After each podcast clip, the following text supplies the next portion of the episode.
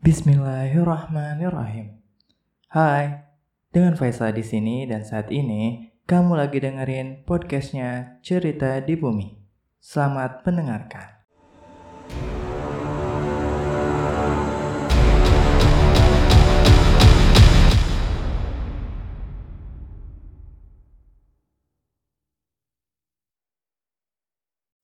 Alhamdulillahirabbil alamin.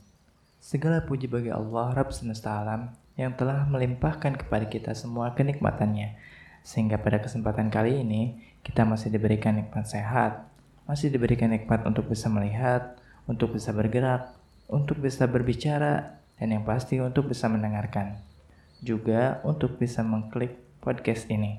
Terima kasih buat teman-teman yang udah klik podcast ini, mudah-mudahan bisa bermanfaat. Oke, sebelum masuk ke reviewnya, aku pengen coba sedikit bahas lah tentang seputaran CPNS ini. Seperti kita tahu teman-teman bahwa CPNS ini mungkin ya adalah satu momen yang paling ditunggu-tunggu oleh banyak orang karena ini adalah salah satu peluang untuk siapa pun di antara kita yang ingin menjadi seorang ASN. Uniknya nih, jadi ASN atau jadi PNS ini biasanya punya stereotip sendiri sih. Kayak misalkan eh, PNS itu atau ASN itu adalah mantu idaman gitu. Atau kalau misalkan di lingkungan yang desa-desa, PNS ini punya status sosial yang cukup uh, dipandang sama orang lain gitu. Padahal kan kalau menurut aku sendiri sih, uh, mau apa pun itu pekerjaan kita, yang penting ya kita bahagia menjalaninya dan bisa bermanfaat gitu buat orang lain. Selain buat penghidupan diri kita sendiri, itu juga bisa punya impact buat kehidupan orang lain. Cek ini tag audio yang kesekian kalinya karena sebelum-sebelumnya dirasa kurang pas jadi bikin lagi. Jadi aku bikin podcast ini karena kemarin-kemarin ada beberapa orang yang kalau ketemu, e, Sal gimana tesnya? Uh, apa aja yang keluar? Ceritain dong. Beberapa kali udah aku ceritain tapi masih ada juga yang minta tolong ceritain dong Sal kayak gimana? Apa aja yang keluar? Akhirnya uh, aku berinisiatif buat bikin bikin podcast aja sekalian ya biar orang-orang yang pengen tahu bisa tahu dan mudah-mudahan bisa bermanfaat.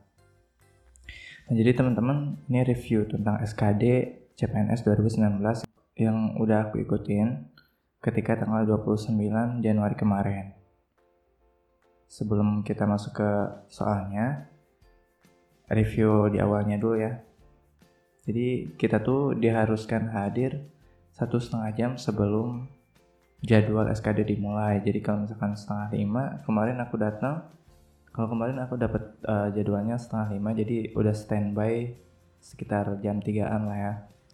Nah nanti kita tuh bakal antri untuk penitipan barang. Tapi kalau yang nggak menitipkan barang bisa langsung ke bagian validasi. Tapi sebelum validasi itu ada body checking dulu. Nah, habis nitipin barang tuh langsung kita body checking.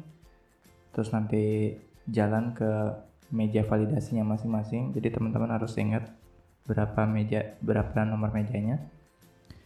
Pas di meja validasi, kita bakal ngisi absen dan di scan si kartu ujiannya sama KTP-nya buat divalidasi sehingga nanti kita bisa dapat PIN peserta buat nanti dimasukin di saat pengisian soal.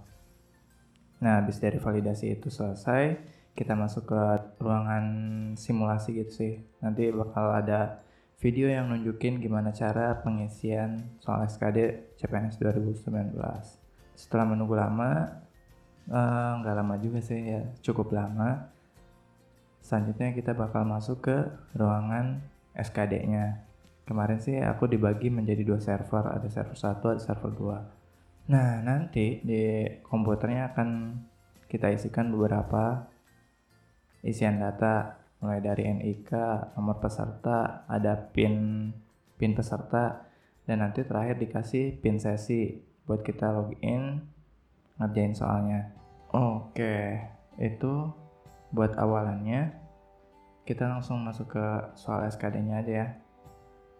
Berdasarkan pengalaman aku kemarin dan ternyata setelah setelah tes aku cari-cari tentang SKD ini ada loh eh, kisi-kisi yang dikeluarin sama pemerintah berdasarkan Permen Pan RB 23 garis miring 2019.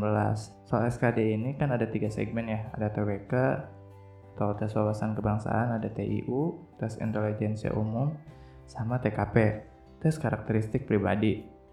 Nah, TWK ini yang keluar ada beberapa tema teman-teman. Ada nasionalisme, ada integritas, ada tentang bela negara, ada pilar negara, sama bahasa Indonesia. Kemarin beberapa soal yang aku ingat ya, contoh tentang nasionalisme tuh kayak tentang produk-produk dalam negeri dan semacamnya kalau tentang bela negara, jadi kemarin soalnya adalah dalam undang-undang pasal sekian ayat sekian itu menjelaskan tentang setiap warga negara itu wajib ikut serta dalam bela negara gitu kan. Nah, hal ini secara lebih rinci dibahas di mana? Apakah di keputusan presiden atau di peraturan pemerintah kemarin kayak gitu kalau nggak salah ingat. Terus tentang pilar negara ini pokoknya pertanyaan seputar Pancasila sama Undang-Undang Dasar deh. Apakah ya seputar Pancasila sebagai dasar negara, sebagai sumber dari segala sumber hukum, dan mungkin ada beberapa pengamalan, pengamalan-pengamalan silanya. Terus ada bahasa Indonesia, uh, tapi di di tentang undang-undang ya, nanti itu ada seputaran amandemen lah apa yang berubah dari amandemen yang ada sebelumnya ke amandemen yang setelahnya gitu setelah di amandemen kemarin contohnya ada tentang MA dan MK itu perbedaan perannya apa terus ada tentang PPUPKI sama PPKI juga terus kalau kasus kontemporer ada tentang Natuna Natuna sama apa namanya kebijakan Bu yang menenggelamkan kapal-kapal ikan asing yang mencuri di laut kita. Itu tuh kenapa seperti itu. Terus yang terakhir ada bahasa Indonesia. Bahasa Indonesia kayak biasa sih, misalkan ada paragraf, kita cari ide pokoknya apa, kita cari pesannya apa, atau ada kalimat yang harus kita benerin ejaannya. Ya misalkan bahasa ini bahasa asing gitu ya kayak kemarin aku dapetnya World Health organization itu harusnya ditulis kayak gimana. Terus ada penggunaan imbuhan juga dalam suatu kalimat. Misalkan uh, di kalimatnya itu menjadikan. Di pilihan jawabannya harus diganti jadi apa misalkan dijadikan atau apa atau yang lainnya. Nah TWK ini teman-teman lumayan cukup susah sih menurut aku karena ya kita bisa uh, menggunakan logika sama secara analisis kita bisa jawab cuman kan masih abu-abu gitu loh kayak kita nggak tahu ini benar atau enggaknya. Makanya lebih aku saranin sih buat teman-teman yang mau tes di TWK ini harus hati-hati karena tricky banget. Jadi contoh soal-soalnya tuh soal-soal yang keluar itu uh, bukan semata-mata hafalan gitu loh. Misalkan pasal 30 isinya apa nggak kayak gitu. Tapi lebih ke penerapannya lebih ke aplikasinya soalnya nggak sesederhana hafalan doang nah soal TWK ini dari seluruh apa total soal SKD yang ada 100 itu TWK ini ada 35 soal dengan passing grade-nya 65 teman-teman. Jadi minimal nih, minimal jawaban yang wajib benar adalah 13 soal supaya bisa dapat 65 dan bisa lolos passing grade di TWK. Tolong dicatat ya. Kalau misalkan itu penting. Kemudian kita masuk ke TIU. Kalau TIU itu terbagi terbagi jadi tiga ada kemampuan verbal kemampuan numerik sama kemampuan figural kalau kemampuan verbal ya kayak ini sih kayak analogi misalkan amfibi kata mamalia apa. Terus kayak beberapa katanya ada yang keluar tentang sinonim. Ya pokoknya tentang kemampuan verbal ya. Terus ada juga analitik. Analitik tuh yang kayak penentuan tempat duduk. Misalkan me duduk. Ada 8 orang yang duduk di meja melingkar. Si A berhadapan dengan si C si D berhadapan dengan si D si E nggak mau berhadapan eh si E nggak mau bersampingan sama si B maka di mana letak si F? Misalkan seperti itu. Jadi harus sering-sering dilatih lah kalau hal soal-soal yang kayak gitu. Terus kemampuan numeriknya menurut aku nggak terlalu susah sih. Teman-teman bisa maksimalin buat dapet poin besar di TIU ini. Karena kan TIU sifatnya masih ke uh, sifatnya nggak abu-abu gitu loh. Kita bisa tahu itu benar atau salah yang penting rajin latihan. Uh, kemampuan numerik itu kemarin ini ada penjumlahan pecahan pengurangan pecahan tapi pecahannya nggak biasa.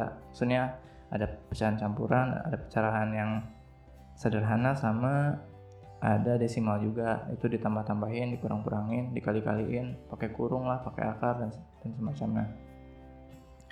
Terus ada perbandingan berbalik nilai juga kemarin soalnya aku dapet yang aku ingat ya ada empat orang pekerja yang bisa menyelesaikan suatu pekerjaan dalam waktu 12 hari. Kalau misalkan pekerjaannya jadi 8 orang bisa berapa hari uh, selesainya? Kan itu perbandingan berbalik nilai ya.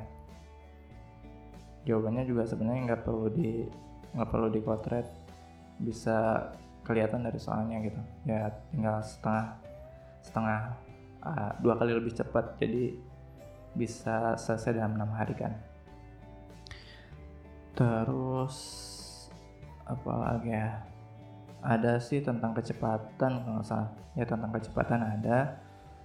Deret juga ada. Deretnya nggak nggak susah-susah amat sih.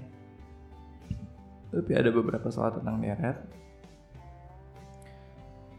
Hmm, apa lagi ya? Ada juga yang ketiga itu ada kemampuan figural teman-teman. Jadi ya biasalah gambar-gambar yang ada rotasi ada pencerminan yang kita lihat polanya. Uh, soal-soal figural ini cukup lumayan banyak sih. Jadi kita harus bisa nih sering latihan. Kalau aku kemarin lihat di apa tips dari video YouTube katanya kalau misalkan tentang figural ini kita jangan lihat objek secara keseluruhannya. Karena kalau dilihat semuanya jadi kayak pusing gitu. Tapi lihat aja salah satu ornamen atau bagian kecil yang unik gitu. Jadi polanya bisa kelihatan lebih jelas. Dan itu lumayan bisa digunakan saat aku tes kemarin. Nah pokoknya soal TIU ini gak jauh-jauh deh dari apa buku-buku CPNS yang kita pelajarin atau ya beberapa ini beberapa simulasi-simulasi soal yang ada di internet. Terus yang terakhir ada tes eh sebentar sebelum masuk ke TKP selanjutnya TIU itu ada berapa soal ya? TIU itu ada 30 soal teman-teman dengan passing grade-nya 80. Ini buat umum ya. Passing grade-nya 80 jadi minimal jawaban benar yang wajib uh, kita jawab benar adalah 15 soal. Buat dapat passing grade 80. Ya. Nilai maksimal buat TU itu 170-an. Gitu. Kita lanjut sekarang ke TKP. TKP ini temanya nih ya. Ada pelayan ada beberapa tema ada pelayanan publik, ada jejaring kerja, sosial budaya, teknologi informasi dan komunikasi, sama profesionalisme. Ya mungkin teman-teman udah cukup familiar ya dengan tema-tema ini. Kalau misalkan yang aku ingat tentang jejaring kerja itu ya tentang kerjasama dalam tim gitu. Kemarin tuh contohnya ada kita tuh punya kelompok, terus ada orang lain yang ngasih masukan sama kelompok kita. Maka bagaimana kita seharusnya uh, menghadapi itu gitu? Apakah kita terima atau kita tolak mentah-mentah atau seperti apa?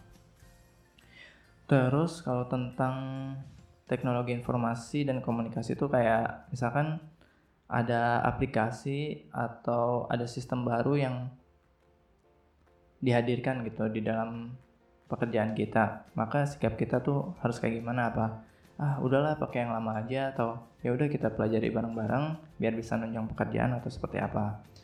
Profesionalisme ya soal-soal tentang profesionalisme lah. Intinya TKP ini juga lumayan sih buat mendulang poin karena kan nggak ada nilai minus juga ya. Semuanya semuanya soal di SKD ini nggak ada nilai minus makanya harus diisi semuanya. Terus di TKP ini kan nggak ada nilai nol ya kalau nggak salah. Kalau misalkan nilai 5, nilai 4 nilai 3, nilai 2, nilai 1 ABCDE kayak gitu. Paling tinggi berarti nilainya poinnya poin 5 TKP ini jumlah soalnya ada TKP ini jumlah soalnya ada 35 passing rate-nya 126 turun lah dari tahun kemarin ya. Maka jawaban yang wajib benar poinnya 5 ada 26 soal. Ya kayak gitu buat bisa dapat uh, passing grade 126 itu wajib terpenuhi ya. Jadi aku coba rangkum lagi nih. Pokoknya TWK itu dari awal ya TWK itu belajar aja secara pemahaman gitu jangan terlalu hafalan banget karena kalau ngafalin ya lama juga lebih baik ke bentuk-bentuk latihan soal yang nambahin ke pemahaman terus Tadi kan TWK itu ada 35 soal dan passing rate-nya 65. Jadi minimal kita harus benar 13 soal. Terus ada TIU, TIU itu 30 soal dengan passing rate-nya 80. Jadi minimal kita bisa benar berapa tuh? 15 soal. Ya. Soal benar wajib 15 soal. Ini aku dapat dari ini ya dari passing grade CPNS asumsi perhitungan TKP tidak ada jawaban benar dan salah terus ada soal TKP TKP itu ada 35 soal dan passing grade-nya adalah 126 126 ya. Jadi minimal jawaban yang kita dapat poin 5 itu ada 26 ya pokoknya itulah minimalnya uh, passing rate dari 100 soal itu kan. Kita harus dapat poin 271 dengan rincian TWK 65, TIU 80, dan TKP 126 itu minimal ya. Dan poin maksimal yang bisa teman-teman raih yaitu 500 poin. Mudah-mudahan bisa ya 500 poin. Wah jago sih. Insya Allah lolos SKB itu. Ya paling gitu aja ya pengalaman tes CPNS di SKD kemarin kemarin tuh banyak ini sih banyak pengalaman buruknya soalnya sesi 5 di Pemprov Jabar hari pertama itu ngaret banget yang harusnya setengah lima dimulai baru dimulai setelah maghrib. Dan kita selesai baru jam 8 malam. Yang mana itu melelahkan sekali karena menguras menguras fisik dan mental. Soalnya kita udah nungguin dari siang kan udah lapar udah capek ya apalagi ditambah sampai malam gitu ngerjainnya oh iya lupa. Udah ngomong panjang-panjang. Aku lupa bilang kalau misalkan 100 soal SKD ini dikerjakan dalam waktu 90 menit atau satu setengah jam. Jadi teman-teman harus bisa manage waktu baik-baik sih. Biar nggak keburu-buru gitu pas di akhir. Wah ini 30 menit lagi tapi TKP belum kesentuh sama sekali gitu. Jadi waktunya cuman satu setengah jam dan itu nggak kerasa sih sekali lagi teman-teman aku garis bawahi kalau misalkan yang aku ceritain ini adalah yang aku alamin. Dan kalau misalkan tema yang tadi aku sebutkan itu berdasarkan Permenpan RB kisi-kisi berdasarkan Permenpan RB kurang lebih nanti semuanya emang temanya tentang hal itu. Tapi soalnya bakal beragam kan? Ada beberapa ada kalau nggak salah ribuan paket soal yang dibikin BKN ya.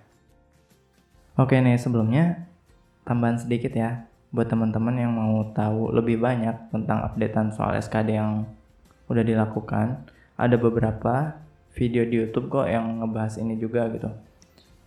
Ada contohnya channel Viracun kalau nggak salah sama dosen Deso.